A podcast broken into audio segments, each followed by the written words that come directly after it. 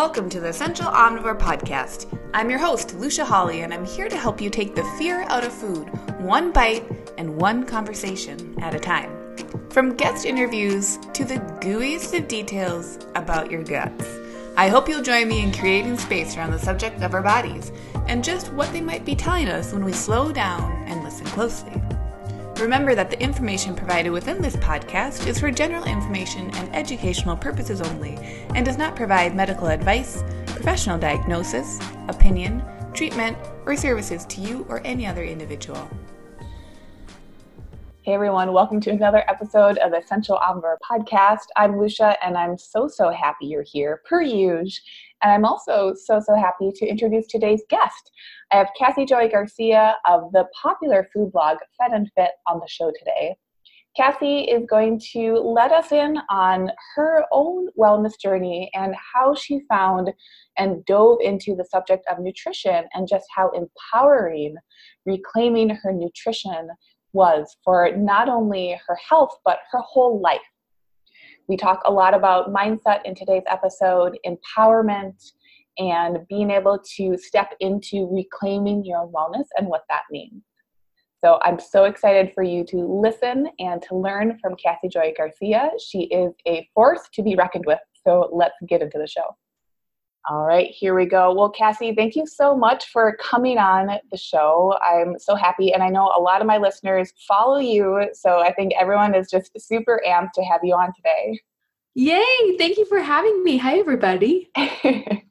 so, for the people who might not know, who either follow you or you know you're new to them and they don't know your backstory, could you kind of give us some, like, let's just dive into the history of what got you really interested in nutrition and how you really reclaimed your own wellness? Yes. So, I definitely was not well for a large chunk of a big chunk of my life. And it's funny you don't i i have one of those people that as soon as i move on from something i never talk about it. I'm like this this is me now. And i i forget to really pay homage to uh, my history and a part of my journey. I would say so. I grew up in a house that definitely stressed, you know, home cooked meals and incredible mom who taught me how to cook, and that was all wonderful and well and good. And then when I went to college and I had to fend for myself, I lived in a dorm for two years and I ate on campus. And in hindsight, looking back, I had some food intolerances that were definitely aggravated by my food choices when I was on campus. And it just kind of perpetuated itself. And so, it was those college years, is really where I think that my health started to just kind of crumble, for lack of a better word and because I started gaining weight because I was eating at all hours, I was stressed. I found beer. This is delicious. I was on a really tight budget. And so I remember the cheapest thing I could find on the menu at this one restaurant that we would frequent was their potato skins. And because they came with all the extras, the sour cream, the bacon, I was like, look at all this extra food I'm getting. I like it. yeah, for six bucks. It's amazing and I mean, funny enough, potato skins probably were one of the better things I was eating. Right. Um, anyways, and so it was just you know, my health just started to crumble because I was stressed. I wasn't sleeping. I was drinking a lot of Dr. Pepper, which then when I realized that I was gaining weight, you know, because that was back then the only measure I knew, you know, that measured health, right, is the size of my my pants are getting tighter. Right. And I was definitely a very general consumer in that regard. So I thought, well, I should diet. And the first thing that went out, I thought, well, I, this is an easy one. I will swap my Dr. Pepper for Diet Dr. Pepper.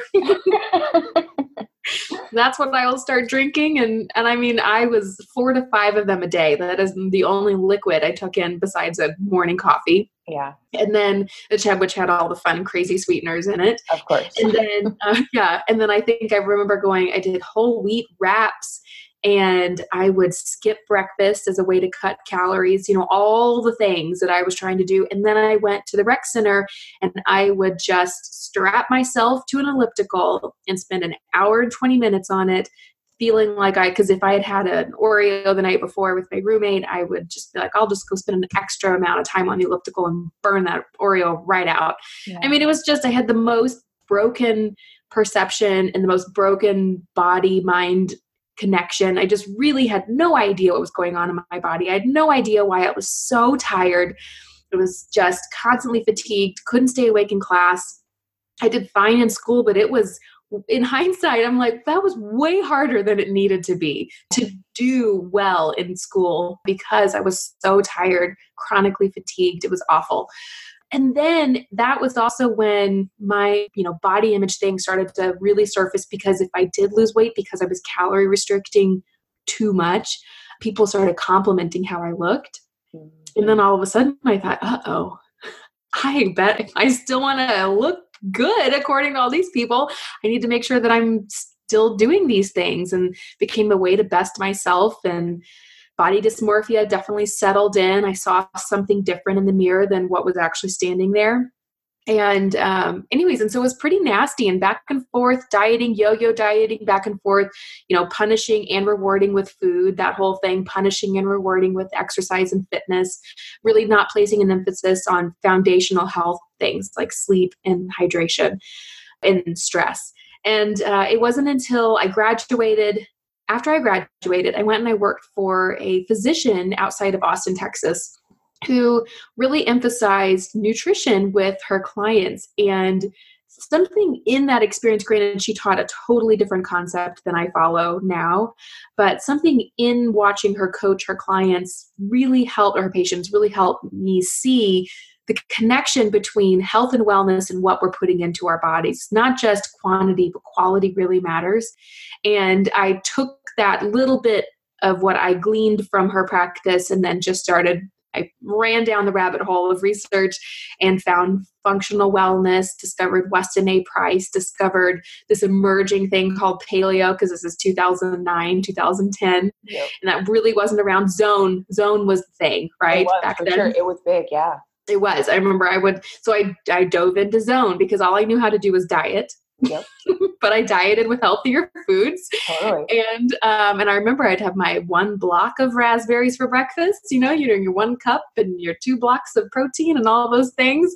And uh, and I just started to feel better, be- really because I had eliminated inflammatory foods. The cloud started to lift. That classic aha moment that so many people go through when they cut out crummy oils and the fake sweeteners and the grains that really just weren't working for me. I was just really sick and I needed to heal myself.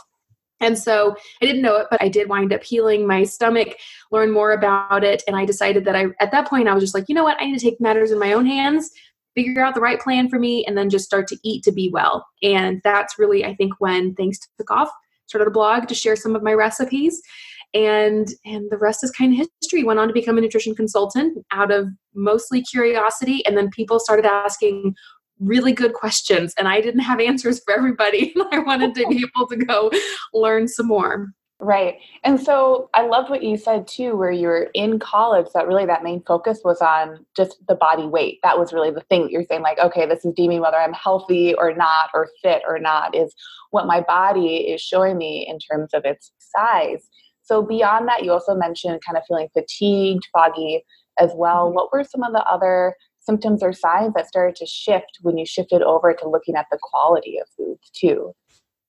I, you know, before I switched quality over, I, you know, and I really transitioned, I had some severe hip and knee pain. Mm. And I was in my early 20s and I, you know, when you're, or at least me, I was very arrogant. Yeah. like, oh, this is just adulthood oh, I don't think that's just you. I think that's what our culture says. It's like, okay, once you're past 18, like you're going down the hill. Here we go. Yeah, things, things just hurt. You know, yeah. I'm what, what was I? I was 22 and I was like, things just hurt now. Yep. And I was marathon training also, and I thought maybe it's tied in with that, which of course it definitely didn't help matters. But as soon as I switched my foods over, took out those inflammatory ones, started enjoying more anti inflammatory foods, and just really paying attention to what I was putting in my body, um, my joint pain decreased dramatically. That was the most noticeable symptom that changed. What followed that was also the fatigue. I would say my attitude changed also, which was tremendous. It was interesting. I remember I remember coming home after several months of just eating this way. And I remember my dad, I'm the oldest of three girls, and I'm such a daddy's girl. And I remember my dad looked at me and we'd had a dinner together and something, and he was like, well, there's my girl. I missed you. It was like years of me just kind of being cloudy and a little grumpy and blue, right? It was like the bad food blues. Yeah. And it really brought me back to life. That's so profound, especially when other people, especially close people like family members, are really saying, Well, wait a second, you've you've been uncovered again. There you are. exactly. and, and I could see that. Yeah. Yeah. And you know, I think your experience also in college, that was something I personally experienced too. Was like, okay, this is the first time I'm having to feed myself. And I came from a background as well with a family who, for the most part, was trying to emphasize quality, whole foods. And I think that's just, mm-hmm. you know, in our culture, it's a time where I don't see a lot of support even now, even with paleo being super popular or Weston A. Price or any of these different dietary styles. I think they're beyond diets, but dietary styles that have really taken into the, you know, they've stepped into the spotlight there's still mm-hmm. so much support that could be there. And like you were mentioning, the chronic cardio too, and how that went hand in hand with the calorie counting. That's no joke. And what that is doing on a young person's body or an older person's body, anyone's body, that starts to add to that total stress level.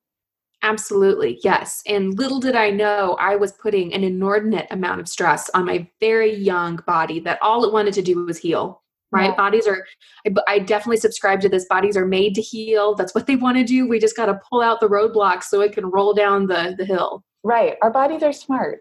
They are they're very wise yeah. There's more with them we don't know everything about them even. No right? it's fascinating. Yeah. So after that once you dove into really you know nourishing yourself and taking care of yourself with food, did you shift over from more of the chronic cardio into different styles of movement as well when you started to step through this doorway? Mm-hmm. After that stage, when I realized that if I cut out, gosh, I could just cut out wheat, for example, and then and a, and a lot of conventional dairy, right? If I just cut those, if I could cut those things out and my fake sweeteners, and it's something that I never thought I would do, and it was outside the realm of what I thought was even possible or reality. What are my other blind spots? What do I not know that I don't know at this point? And fitness was one of those where I kind of sat down with myself and I've always said that I'm really not athletic. I am like a baby deer. I I love sports. I'm all for them. I was the manager of my uh, middle school volleyball and basketball team. I mean, it was, I was there, I tried out, and all I wanted to do was play, but I was terrible. And so, sports and athletic activities always really intimidated me. And that's why I felt so comfortable with the elliptical scene, right? Because it's just me, and I would find the one in the corner where nobody could see me. Yep. And I was like, you know what? When it came to food, I had to do something that I'd never done before to see real results and results that surprised me, like the pain and the fog went away. And so when it comes to fitness, I need to follow that same tune. I need to do something that I never would have done before. And one thing I would never have done before were weights. I would have never gone and picked up a barbell. Yep. I I wouldn't even make eye contact with those guys because I was like, those are the real gym people. yeah, they can stay over there. I'll be over here. exactly. I'm not even going to go there. And so I, uh, CrossFit was also very brand new then. I had a girlfriend who really loved it and suggested it and she said, you know, well, you know, you just just go and see if you like it. And I am a bit of a I'm a very loyal, like a Labrador. I joined a CrossFit gym when my coach was hosting it out of his garage. It was one of three in San Antonio at the time, and now I mean there's dozens and dozens of them. Um, but I did. I connected Jeremy and Elite CrossFit in San Antonio nine years ago, and I've been a loyal client of CrossFit ever since. And what I loved and really appreciated, and this is really what CrossFit does well, and it's been in and out of vogue over the years, right? Yep. But what CrossFit always has done well is it has really welcomed athletes like me. I feel like in the door. I was not coming to be a miraculous transformation story that would one day compete in the games. I had no intention of ever competing in the games, right? I just wanted to be able to enjoy a workout. It was fun, it was interesting. I got to be a part of a community and I got to scale my weights and still feel like I was a part of the crowd. And so I did that and I trusted my coach to give me great form and coaching. And then I also incorporated yoga, which is something I've always enjoyed, um, but really got into that. And I felt like the mixture of those two some weightlifting, weight bearing activities, right, with some high intensity, with a pretty rigorous yoga practice then where they were a good complement to each other. So I just tried to be more strategic and a little bit less of a sheep in the flock, if that makes sense. Yeah, it makes total sense. And what was it like, if you remember, what was it like when you started to pick up the barbell and do that weight training? Oh, I was terrified. I they had me start off with those puffy, you know, it's the it's it's essentially just a weighted PVC pipe yep. with a with a cushion on the outside. I used that for probably a solid nine months before I graduated to a 35 pound bar. I remember awesome. the first he was like, "You're ready." I was like, "I don't think I'm ready." I like the PVC. yeah, cushy. I got it. exactly. What if I drop it? It's gonna hurt. Um. Oh my gosh. Or doing box jumps. I was terrified. My coach had to. I mean, at this point, I'm 23 years old. He had to hold my hand so I could jump up on like those aerobic plastic aerobic steps that you would you know stack on top of each other yeah. put two of them on top of each other so i could get both of my feet off the ground at the same time and I was terrified to have both of my feet leave the ground at the same time. So we stood there and he held my hand. Yeah. I just, it was incredible. And once I did it and I grew in confidence and I'm still not the best athlete in the class, but I feel like I'm, I'm a great poster child for if I can do it, anybody can do it. You can do this. Just show up, trust your coach and and do it. Yeah, yeah. And I think so much of it is really what you said is showing up, that consistency or allowing yourself to say, nope, I'm I'm chronically going to show up as any sort of athlete because I know what, you know, as soon as you are able to offer yourself a little bit of experience with these different actions, just how potent and powerful they can really be and how life-changing they are. They really are. You know, coming back postpartum, I had a baby last January. So Gray is now going on 14 months old and that is starting over i i mean just and i took a lot of time off i was very tired when she was for the first 11 months very I tired bet. i can't imagine oh my goodness and and i am starting over again and to your point it's not a picture of a woman on a magazine that inspires me to go to the gym it's not this lofty goal or the pants that I want to get back into, my pre pregnancy pants. You know, like those are not my holy grails. The things that get me to show up and that really inspire me to go back to the gym and humble myself all over again is the fact that I know I can do it, right? And I know how, if anything, it's the feel good hormones and those endorphins that I get from the gym that just set my mind straight for the day. That's why I go. It's not at all for any sort of it's, it's really not for the calories I'm burning or the muscle I'm building. It's really because it puts my mindset in the best possible place to have a great day. And that's mm. that's why I go now. That's so powerful. And that that's something that you're offering yourself consistently. You're saying, I'm yes. going to let myself have this mindset, or I'm going to let myself feel clear headed and start my day off that way. Yes, and I don't always make it. I mean, there are yeah. sometimes you'll have I'll have a late night, and I'm like, you know what, that that 4:30 a.m. alarm came real soon. I'm gonna sleep. I'm gonna take my own advice and put sleep first. But yeah, it is really, really powerful. Whenever I do need an attitude adjustment, I joke with my friends and my husband. I'm like, I just need to go to the gym and I'll be fine. Yeah, right, right, right. Just move that energy out. Yes. So it also seems like there's a theme that we're coming back to both with food and the movement is like a sense of empowerment and confidence building. Have you noticed with the actions and the changes that you've allowed yourself to step into in those two areas, do they feed into other areas of your life? They definitely do. Absolutely. I was chatting with a friend about this last night actually, and I don't know i'm very very thankful for the struggles that i've had for, for the, my, my first struggle that really comes to mind was i had really horrendous acne in high mm-hmm. school mm-hmm. for years and my family didn't believe necessarily in medications back then i eventually went on some pretty aggressive ones after three years of painful acne vulgaris and i will mm-hmm. forever have scars and you know pock marks and i'm i mean i don't I don't even see them anymore. They're just a part of my face. Yeah. Um, and you know, those were it was a very humbling, formidable experience that I was able to work through, and it's just a part of me. And going through, you know, really taking control of my health and not just looking for the next diet to fix it, right? And not looking for you know that reward punishment system with food and hours on an elliptical. I think by breaking the cycle by stopping it and stepping away and saying, you know what, I'm smart enough to figure this out for myself. And by doing that, it really changed something in my mind. It changed something in how I approach life in general. It's definitely had an impact on my business. The fact that, because what we're doing at Fed and Fit, it is not easy. I mean, starting a personal blog is easy. I will be honest. That's not hard, right? You yeah. get to make food, you take a picture of it, you tell people about your day, and it's it's fun. And then folks come in and they're like, that's so great.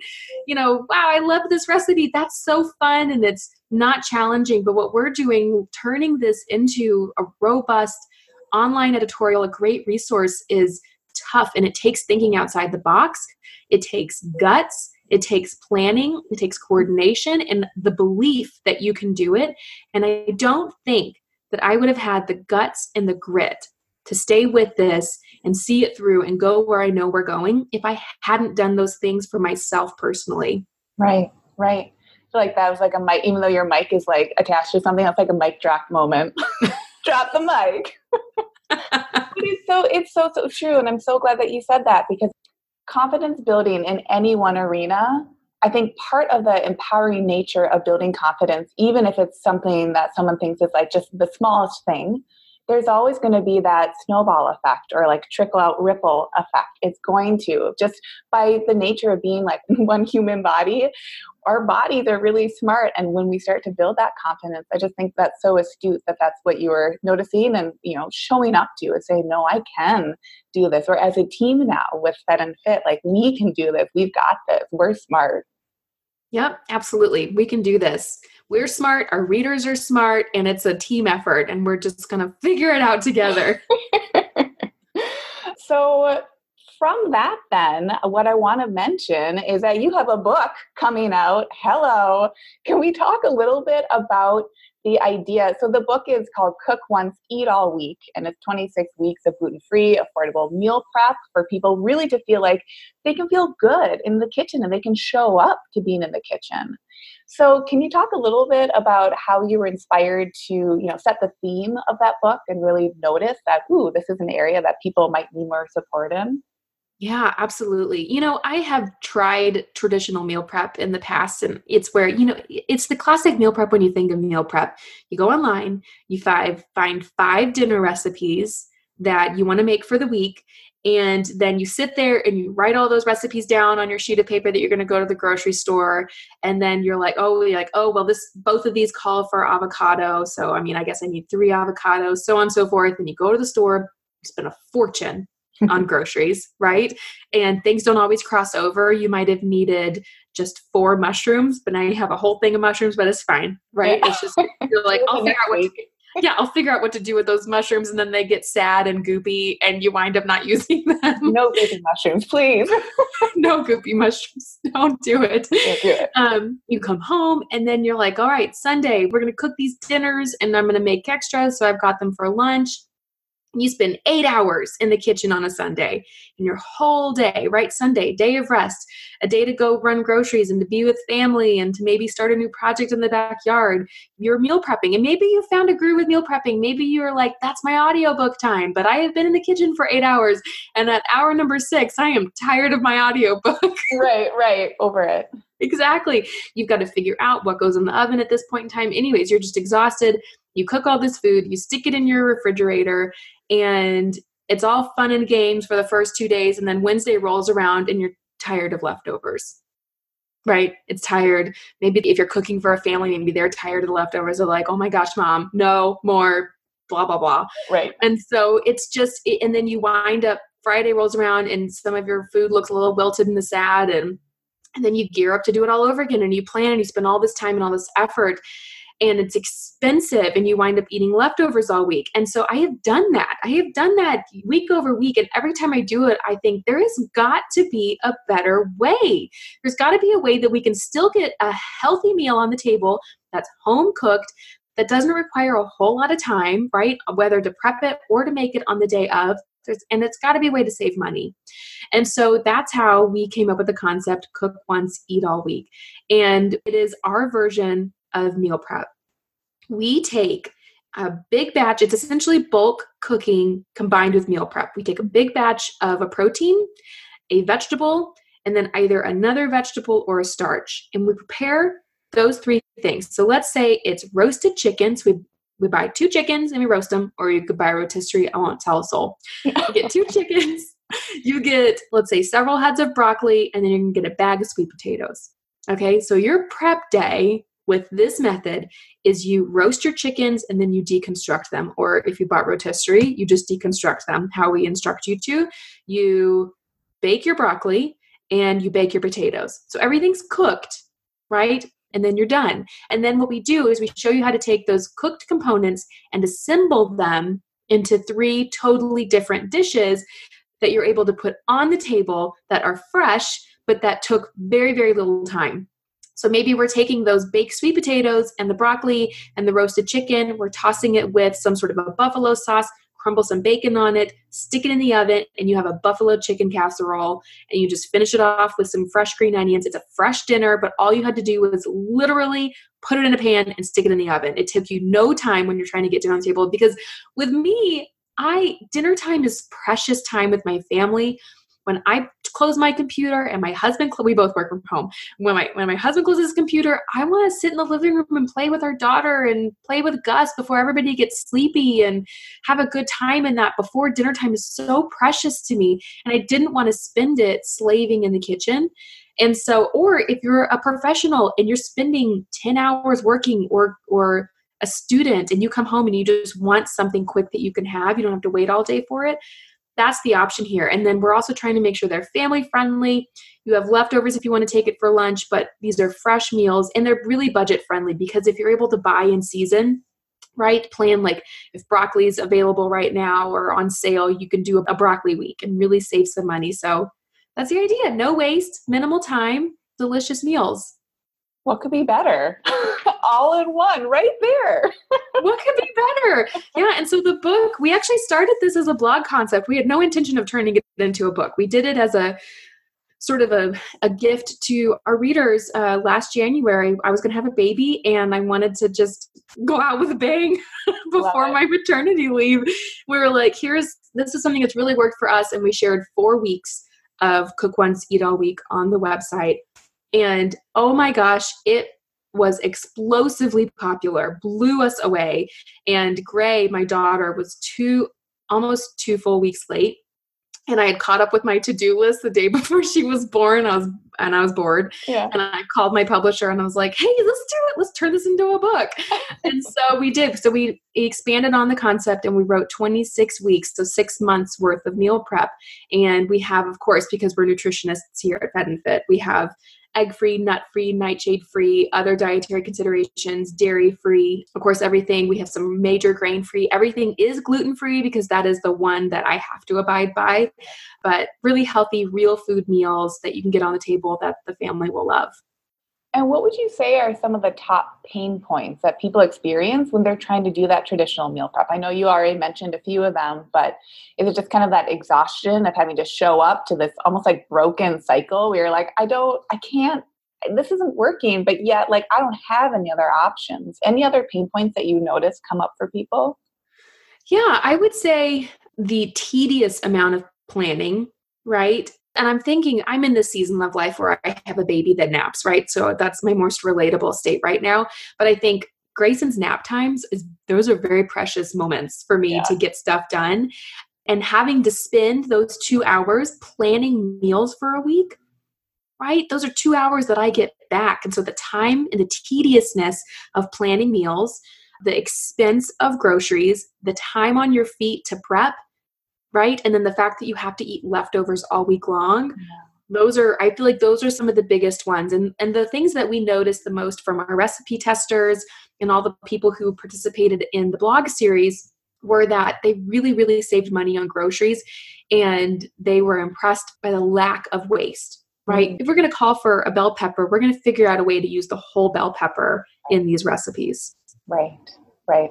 And then from there, I'm just going to tie it back into empowerment because I love that subject. It's so empowering to feel like you can show up to be in the kitchen, enjoy the food that you're eating all week, right? Not be sick or not have to be like, I don't want to deal with that soggy, gross, like goopy mushroom. No, thank you feeling that empowerment, I bet also for the people who have experienced this plan from last year with the blog series or the recipe testers, and the people who are going to be getting this book, by the way, please go get this book, those who are listening. I bet that that confidence building in the kitchen is going to trickle out into other areas of their lives. Yes, it has to. I mean, it, it absolutely has to. Nothing I'm I'm not grumpy prone anymore now that I've kind of healed myself. I have my days. Yeah. But nothing will make me grumpier than not having dinner plans, right? What am I gonna make for dinner? And it's five o'clock and I have to figure it out and then I miss out on family time. It's disempowering to be in that kind of a circumstance. Mm. And to your point, you get to the end of the week and just imagine this. You spent half the amount of money on groceries than you normally do. So your your budget is happy you spent a fraction of the time meal prepping. You didn't have a whole lot of waste. Your family was happy because they were fresh meals put on the table, right? And and you had more time to spend with them. It makes you feel like superwoman or yeah. superman if you're a man listening and you're the one getting food on the table, right? Yep, yep. It is very empowering. I mean, that's so exciting. It just, there's definitely a significant bounce in my step when I'm able to feel like, you know what? I think, because I believe, I believe healthy food is important and I believe family time around the table is important, but it shouldn't also stand in the way of you living your life. Mm. Right? Mm. My life is not meant to be spent in the kitchen cooking. It's meant to be with the people that I would be cooking for.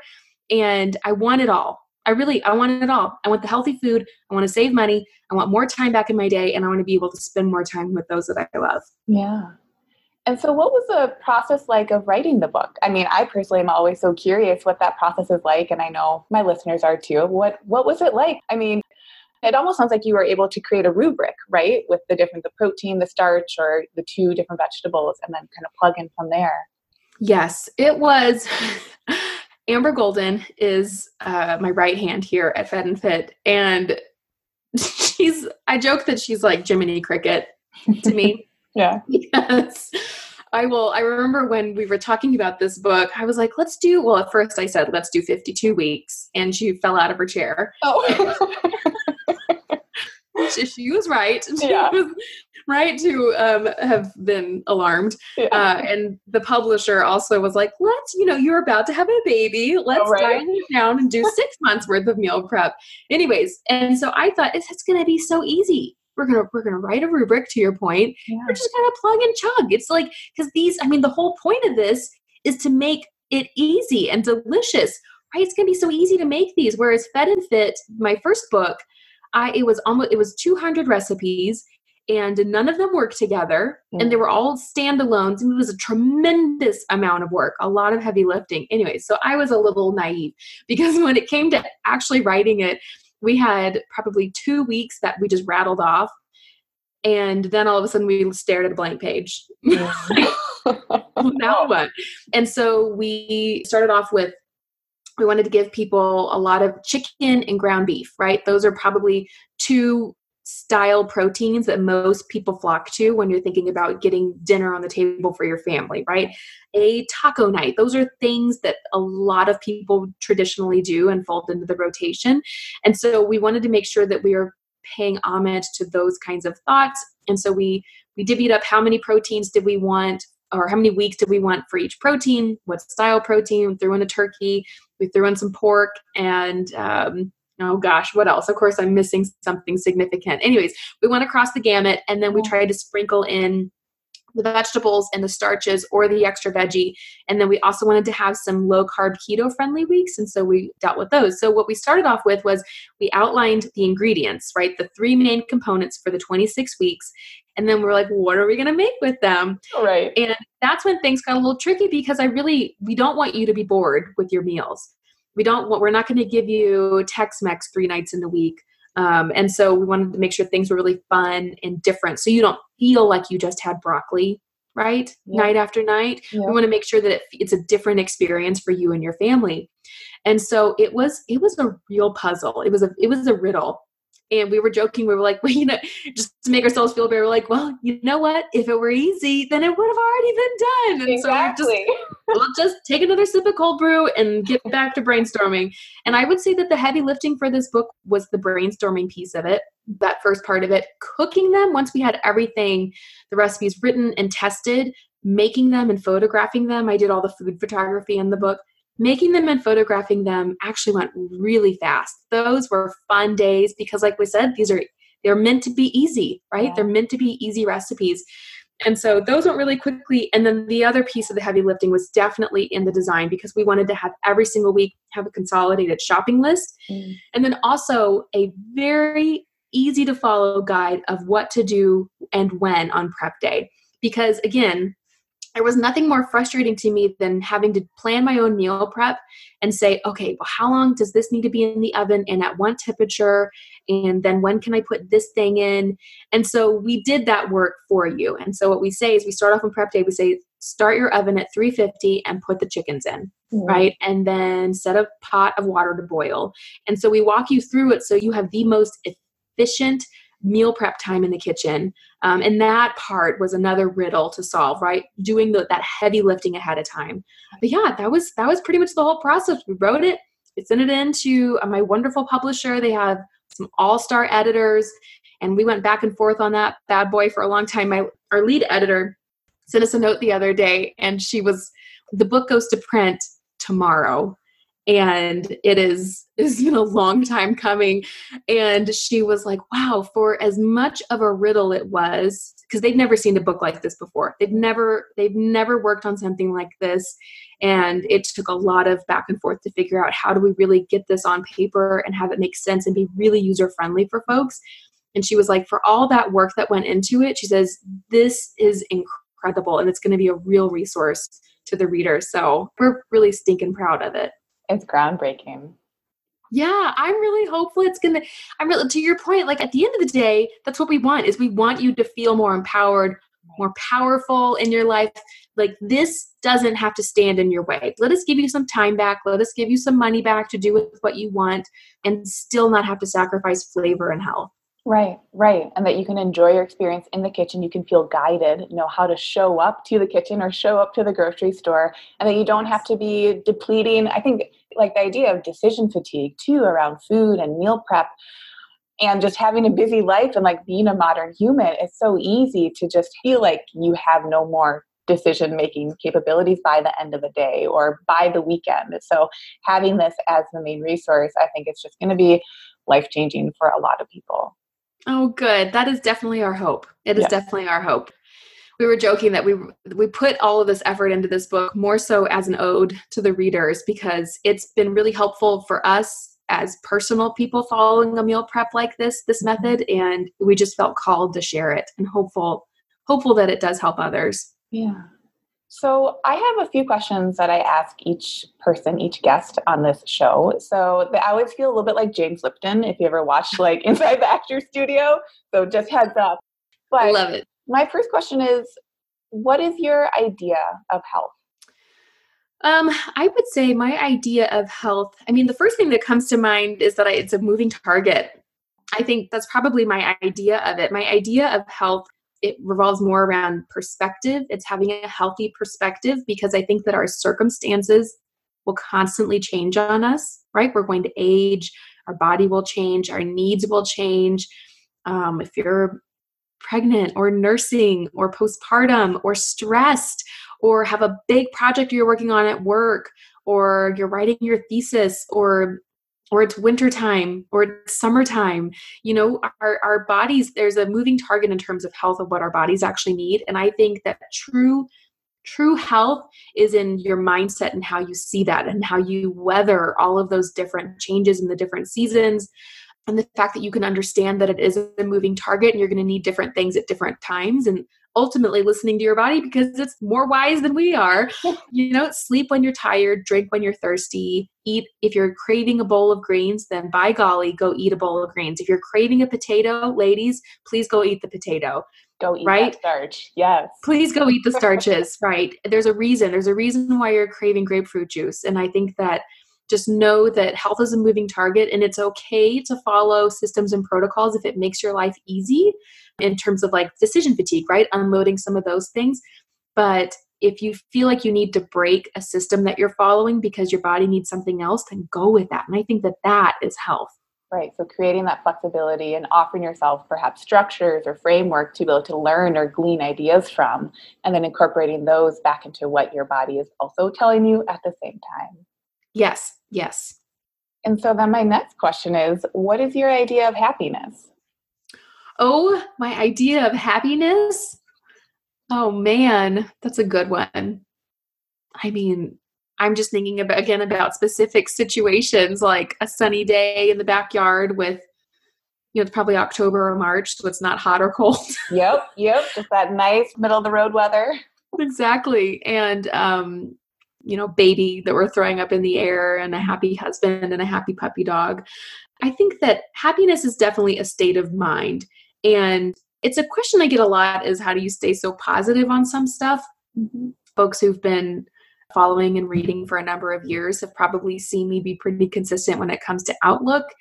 And I would have to say that it's a choice. It's a choice that I make. It, I definitely have the option to be grumpy, and I have the option to be pessimistic and to split hairs and to have a bad day.